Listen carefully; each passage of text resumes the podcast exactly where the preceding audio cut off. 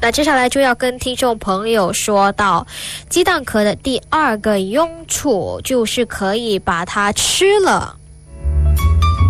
那很多时候啊，当我们在吃一些，就是在外面会买一些炒粿条啊，或者我们在家里自己去炒饭的时候啊，可能会不小心的把鸡蛋壳也是一并的炒进去的时候，当我们吃了就会感觉到，哎，口感会特别的不好，会怪怪的，是不是？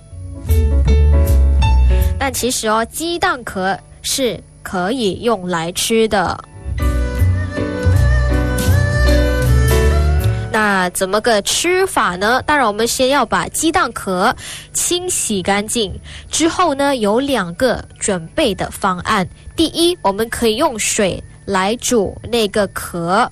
那第二呢，我们可以用微波炉来加热，到那个鸡蛋壳变干燥、变脆了。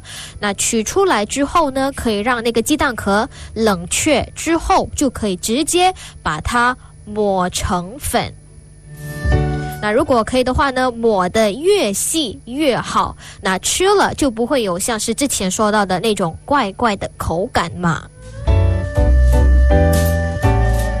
而且吃这种鸡蛋壳呢，其实最大的一个用处就是可以为我们的身体补钙，因为就像刚才说到的，这些鸡蛋壳当中的百分之九十五呢，都是有碳酸钙。组成的，所以它的钙含量是非常的高，所以我们在吃这种鸡蛋壳的时候就可以补钙。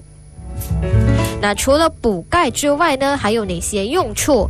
那就可以减轻我们的胃痛，对有胃痛的人呢也是还蛮好的。然后呢，它也是有美容养颜的用处，以及也是有药用的这个价值。